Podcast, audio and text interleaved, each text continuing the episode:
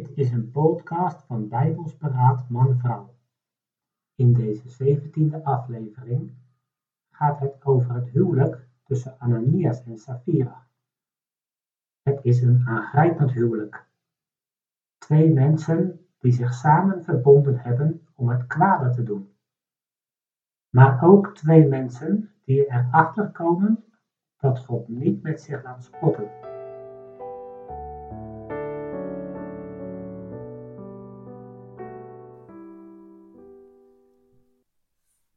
Het is in de Bijbel net zoals in onze tijd. Er zijn huwelijken waar je jaloers op kunt zijn. Er zijn huwelijken die ook totaal niet zijn zoals God ze bedoeld heeft. Een van die laatste is het huwelijk van Ananias en Safira. Een huwelijk waarvan we vooral kunnen leren hoe het niet moet. Het huwelijk van Ananias en Safira, dat heeft iets weg van het allereerste huwelijk. Adam en Eva. Nee, niet hoe het begonnen is, maar hoe het later veranderd is. Hoe dat huwelijk ontwricht is. Bij Ananias Safira zien we iets vergelijkbaars als bij Adam en Eva, dat zij elkaar de verkeerde weg ophelpen. Adam en Eva kregen duidelijk te horen dat op hun zonde de dood zou volgen. In zijn genade heeft God dat uitgesteld en heeft God dat ook bijgestuurd, zou je kunnen zeggen. Hij heeft zijn genade gegeven. Tegelijk blijft die dreiging wel. God is rechtvaardig God. Hij heeft zo duidelijk gemaakt dat de zonde gestraft zal worden met de dood. Heel vaak heeft hij dat niet zichtbaar gemaakt, zeker niet direct zichtbaar. Maar het blijft wel waar. Wie moet sterven. En dat is nou wat zichtbaar wordt bij Ananias en Safira. Nu zal ik op dat thema minder ingaan. Het gaat me nu niet over de vraag: hoe zit het nou? Waarom werd dit zo gestraft? Hoe zit met Gods rechtvaardigheid? Hoe zit het met Gods geduld? Hoe zit het met de gemeente? Die vragen zal ik wat aan voorbij gaan. Het gaat me nu om het huwelijk. Hoe was het met Ananias en Safira? We weten niet zoveel van hen. Wat we van hen weten staat hier. Handelingen 5, vers 1 tot en met 11. Daar lezen wij een zekere man, met name Ananias, met Safira zijn vrouw. Twee mensen die lid waren van de gemeente van Jeruzalem in de vroege tijd. Die tijd waarin de gemeente van Jeruzalem een voorbeeld was. Heel wat kerken, heel wat christenen, als ze lezen in de eerste hoofdstukken van Handelingen, denken: jongen, als het toch zo ging in onze gemeente. Maar dan moeten we zeggen, ook toen in Jeruzalem was het niet perfect. En daar waren de eerste vier onderdeel van. Dat wisten de mensen natuurlijk niet gelijk. Toen ze binnenkwamen, waren ze blij met hem. Zij hoorden bij de velen die toegebracht werden. Terwijl er tegelijk ook ontzettend veel Joden waren die geen belangstelling hadden. Ze gingen maar verder in de lijn van de Fariseeën of van andere Joodse leiders. Maar Ananias en Safira, zij kwamen onder de indruk van de boodschap van Jezus Christus. Zij beleden hun geloof. Ze werden gedoopt en ze werden onderdeel van de gemeente. Veelbelovende gemeenteleden. Gemeenteleden met een mooie naam. Ananias, God is genadig. Min of meer dezelfde naam als Johannes.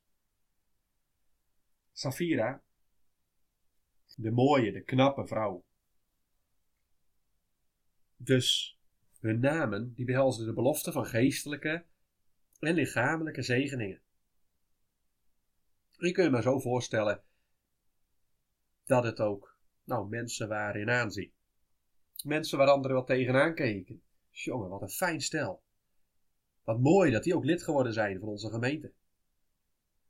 Zelf waren ze er ook blij mee. Ze waren lid geworden van de gemeente en ze vonden het belangrijk om erbij te horen. Graag hadden ze dat anderen ook tegen hen opkeken, dat anderen hen serieus namen.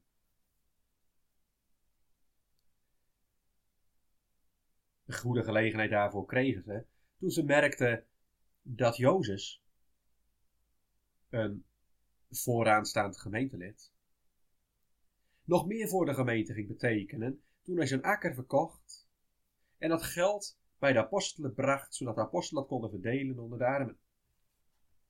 Dat vonden ze een goed idee. Zouden ze ook doen. Ze hadden geld. Ze hadden een haven, staat er in vers 1, bezit. En gezien vers 3 was het ook land. Ze besloten dat land te verkopen. Maar toen ze al dat geld zagen, dachten ze, ja, al het geld geven, dat is heel wat. Dat hoeft toch ook niet? Mogen toch zelf ook wel wat houden? Nou, dat is ook zo. Ze waren niet verplicht geweest hun land te verkopen. Als ze het gedaan hadden, waren ze niet verplicht geweest om alles weg te geven. Maar ze wilden wel zo graag aanzien hebben. Ze wilden eigenlijk dezelfde naam hebben als Jozef. Dus ze besloten net te doen alsof ze hun akker verkocht hadden en alles wat ze maar hadden over hadden voor de gemeente. Ze, zeg ik bewust, nadrukkelijk. In vers 1, daar staat Ananias met Safira. Ananias staat voorop. Het is duidelijk in dit hoofdstuk dat Ananias het hoofd van het gezin is. Hij neemt het voortouw. Hij neemt het voortouw in de verkoop. Hij neemt het voortouw in het bedrog. Hij neemt het voortouw in het gaan naar Petrus. In vers 5 staat: Ananias met Safira verkocht een haven. Vers 2: Hij ontrok van de prijs, ook met medeweten van zijn vrouw. En hij bracht een zeker deel en legde dat aan de voeten van de apostelen. Dat laatste, daar was zijn vrouw niet bij. Daar ging hij alleen. Maar dat eerste, daar was ze wel bij. Maar nadrukkelijk staat er Ananias met Safira. Dus ze hebben samen het besluit genomen om een akker te verkopen. Samen hebben ze besloten om de boel voor de gek te houden. Er staat hij ontrok van de prijzen, vers 2, met medeweten van zijn vrouw. Zijn vrouw wist ervan en heeft het goed gekeurd. Hier zien we eigenlijk een aangrijpend beeld van de misvorming van het huwelijk. Aan de ene kant, een huwelijk, dat loopt als het moet lopen. Een man en een vrouw die samen hun weg gaan. Die met elkaar overleggen. Die het met elkaar eens zijn. Die elkaar steunen. Waar de man de leiding heeft. Waar de vrouw die leiding aanvaardt. Wat een mooi huwelijk. Zo hoort het, zou je zeggen. En toch. Dat goede wat ze hebben gekregen in het huwelijk, dat gebruiken zo duidelijk voor het verkeerde doel. Die eenheid is een eenheid tegen God in plaats van een eenheid voor God. Dat schrijnend. Ook als de man wel de leiding neemt, maar dan de leiding in het verkeerde. En dan moeten we terugdenken aan dat eerste huwelijk, Adam, zijn vrouw. Eerst nou ja, neemt Eva min of meer de leiding. Door met die slang te praten en haar man over te halen. Dan neemt Adam de leiding, hij eet. Hij heeft daarin de verantwoordelijkheid. En hij neemt zijn vrouw mee en neemt de hele mensheid mee. Adam neemt daar niet de leiding in het goede. Niet de leiding in het dienen van de Heer. Hij heeft dat niet gedaan wat hij moest doen. Vrouw, laten we luisteren naar het woord van God. Laten we samen achter de Heer aangaan. En dat is nou net wat Ananias ook niet gedaan heeft. Er is ook hier die eenheid. Je zou kunnen zeggen een samenzwering. Een eenheid zoals je dat zo vaak leest. Op allerlei terreinen. Denk aan Pilatus en Herodes, die vrienden werden bij de dood van Jezus. Nu weten wij dat in de wereld veel huwelijken niet goed gaan. Maar er is dus ook een soort van liefde en verbondenheid en eensgezindheid. Die uitwendig gezien klopt en zuiver is en, en geestelijk. Als je verder kijkt, precies het tegenstelde is. Wat is het erg als je een huwelijk hebt waarin je elkaar bij God vandaan helpt? Waarin je elkaar vasthoudt in de zonde. En dat kan toch ook in een christelijk huwelijk? Dat kan toch ook in het huwelijk van een luisteraar naar de podcast van Bijbelsberaad Man-Vrouw? Van buiten klopt het. Van binnen klopt het niet. Ananias, die de leiding heeft genomen in het onderling overleg, die trekt ook de stoute schoenen aan, loopt met een zak geld naar buiten en gaat naar Petrus toe. Het lijkt heel wat. Stiekem kijkt hij om zich heen, ziet iedereen het, heeft iedereen in de gaten hoe goed hij wel is. Petrus heeft inderdaad in de gaten. Door de Heilige Geest ziet hij dat er iets achter zit. Dat de Satan in zijn hart leeft.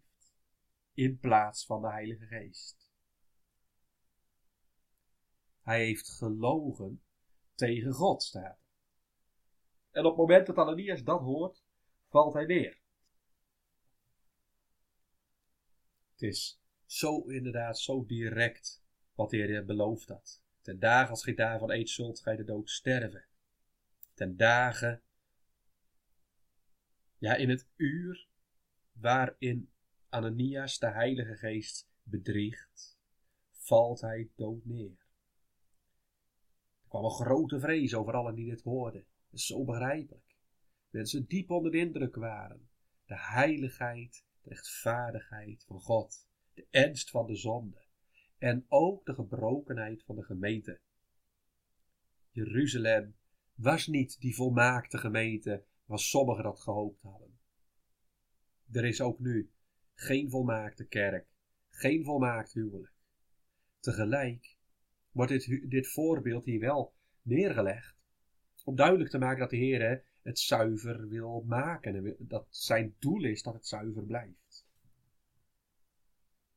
En wat we er ook precies van kunnen denken hoe God in allerlei situaties omgaat met de zonde. Hier heeft God een heel duidelijk doel.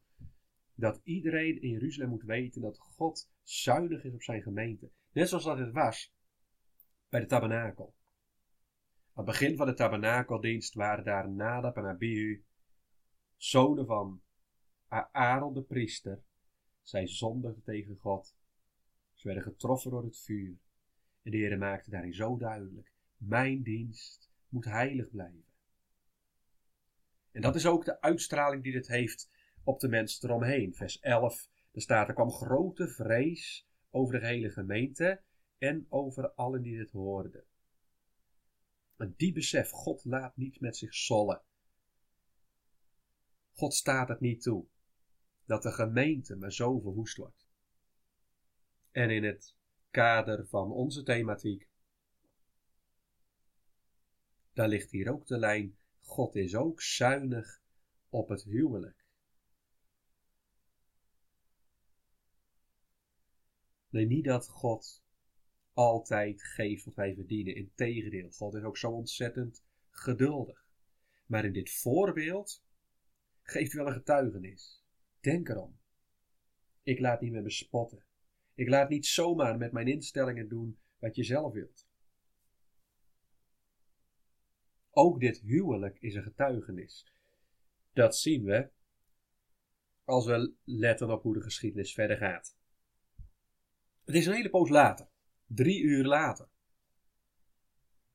Lange tijd. Je zou zeggen, intussen heeft toch al lang iemand een bericht gestuurd naar zijn vrouw. Waarschijnlijk hebben ze haar niet direct kunnen vinden. In elk geval, pas drie uur later komt Safira daar binnen. Misschien is ze weg geweest, thuis gekomen en heeft zich afgevraagd: Nou, waarom is Ananias nog niet thuis? Ik zal toch maar eens bij de apostelen gaan kijken. In elk geval, zij komt binnen. En zodra ze daar de binnen stapt, stelt Peters haar een vraag. Nou, niets vermoedend gaat zij gewoon in op die vraag. Ze heeft blijkbaar ook niet goed opgelet, want er moet daar een ontzettend beslag gelegen hebben op de groep mensen die er lag. De, zat. De sfeer. Zal heel anders geweest zijn dan toen Ananias binnenkwam. Zij heeft niks in de gaten. Zij houdt zich aan wat zij en haar man besproken hebben. Ze hebben afgesproken, ze zouden altijd blijven volhouden. Ze hebben het hele bedrag van het land gegeven. Safira oud woord. Petrus vraagt: Hebt u het land voor zoveel verkocht? Ze zei ja, voor zoveel. Wat Petrus daar trouwens zegt is: Hebben jullie, jullie allebei, het land voor zoveel verkocht? Ananias ging voorop, maar Safira was direct betrokken. Immers, man en vrouw zijn één. Zelfs als Safira er niet bij was geweest, dan was er nog een zaak van samen. Maar in dit geval geldt, en ze waren niet echt samen ingegaan. En Peters die gaat die vragen ook stellen. Hij vraagt niet, heeft Ananias het gedaan? Dan hebben jullie het samen gedaan. U en uw man. Dus hij wijst daar naar dat huwelijk. En hij vraagt eigenlijk, hebben jullie nu die eenheid van het huwelijk inderdaad gebruikt voor de zonde? Ja, zegt die vrouw, zeker hebben wij het voor zoveel verkocht. Dat hadden ze immers afgesproken. Dat zou ze zeggen, ze was een man trouw. Maar dan zegt Petrus, wat is dat nu? Vers 9. Dat God u hebt overeengestemd te verzoeken de geest des Heren. Overeengestemd. Samen eens geworden. Dus opnieuw legt Petrus de nadruk op, het is niet maar iets van Ananias persoonlijk, het is niet maar van Safira persoonlijk, maar het is een zaak van jullie samen. Een huwelijkskwestie. De eenheid gebruikt om te verzoeken de geest des Heren. Het bederf van het beste is het slechtste. Dan geldt ook, de straf die haar man geraakt heeft, die raakt haar. De voeten van degene die uw man begraven hebben zijn voor de deuren, zullen u uitdragen. Peters heeft nog niet verteld wat er precies gebeurd is, maar in deze woorden ligt die grote dreiging. De voeten van degene die uw man begraven hebben. Dan hoort Safir het, mijn man is gestorven. Maar ze krijgt geen tijd meer voor inkeer. Op het moment dat ze het hoort, valt ze neer. Ze sterft. En de jongens die Ananias begraven hebben, zijn precies op tijd om ook haar te begraven. En dan nog één keer staat er, zij begroeven haar bij haar man. Bij haar man. Ze was steeds bij haar man geweest. En tot in de dood niet gescheiden. Zoals David dat zingt van Saul en Jonathan. De helden. Die hij ondanks dat Saul hem zo vervolgd toch lief had. Dan bezinkt hij het ook van hen. Ze zijn ook in de dood niet gescheiden geweest. Geldt ook hier. Dan is daar een graf. Ananias en Safira. De grafsteden waren toen natuurlijk niet zoals bij ons. Maar heel af en toe tref je bij ons aan. Man en de vrouw op dezelfde dag gestorven. Aangrijpend. Op een bepaalde manier toch ook wel, voor als je dat zo kunt zeggen, toch ook wel op een bepaalde manier mooi. Ik heb heel wat echtparen meegemaakt, die zagen er tegenop. Ja, wat nu als jij eerder sterft dan ik? Ja, ja, maar wat als jij eerder sterft dan ik? De man zag het niet zitten alleen over te blijven. De vrouw zag het niet zitten alleen over te blijven.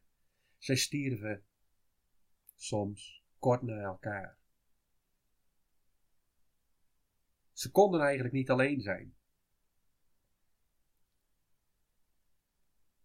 Het is aangrijpend als kinderen hun ouders op dezelfde dag verliezen. Maar toch voor die ouders zelf een heeft geen weduwe hoeven zijn, de ander geen weduwnaar. Samen getrouwd, samen geleefd, samen gestorven, samen begraven. Ja, dat is hier het geval. En dan zouden mensen kunnen langslopen die zeggen, nou, toch wel aangrijpend, toch wel ontroerend. Dezelfde dag gestorven, in één graf begraven. Wat een eenheid. Ja, tot ze hoorden hoe ze gestorven zijn. Dan is dat grafmonument een getuigenis van de ernst van de zonde. Zalig zijn de doden die in de Heere sterven. Rampzalig de doden die zonder de Heere sterven. Een dubbel rampzalig. Als je moet zeggen, ik ben niet alleen de oorzaak voor het sterven, voor de dood, voor het oordeel van mezelf, maar ook de oorzaak voor de dood van mijn man. Als Ananias en Safira voor de rechterstoel van de Heere stonden, er zullen staan. Dan kan het niet anders, of dat zal ze aanvliegen. Oh, ik had mijn man tot zegen moeten zijn, maar ik ben hem een vloek geweest. Ik had mijn vrouw moeten leiden in de weg van de Heer, maar ik heb haar misleid. Ik ben haar voorgegaan in dienst van de duivel. In het huwelijk kunnen we veel tot zegen zijn. Wat een voorrecht, als u mag zeggen dat u samen gaat in de weg van de Heer. Maar als u niet gaat in de weg van de Heer, als u de Heer niet persoonlijk kent en niet naar hem luistert, dan moet u bang zijn, niet alleen voor uzelf, maar ook dat u een aanstoot bent voor een ander. Het huwelijk is heel rijk, maar ook het bederf van het beste is het slechtste. De Heer bewaar ons daarvoor en bekeerde ons van een verkeerde weg.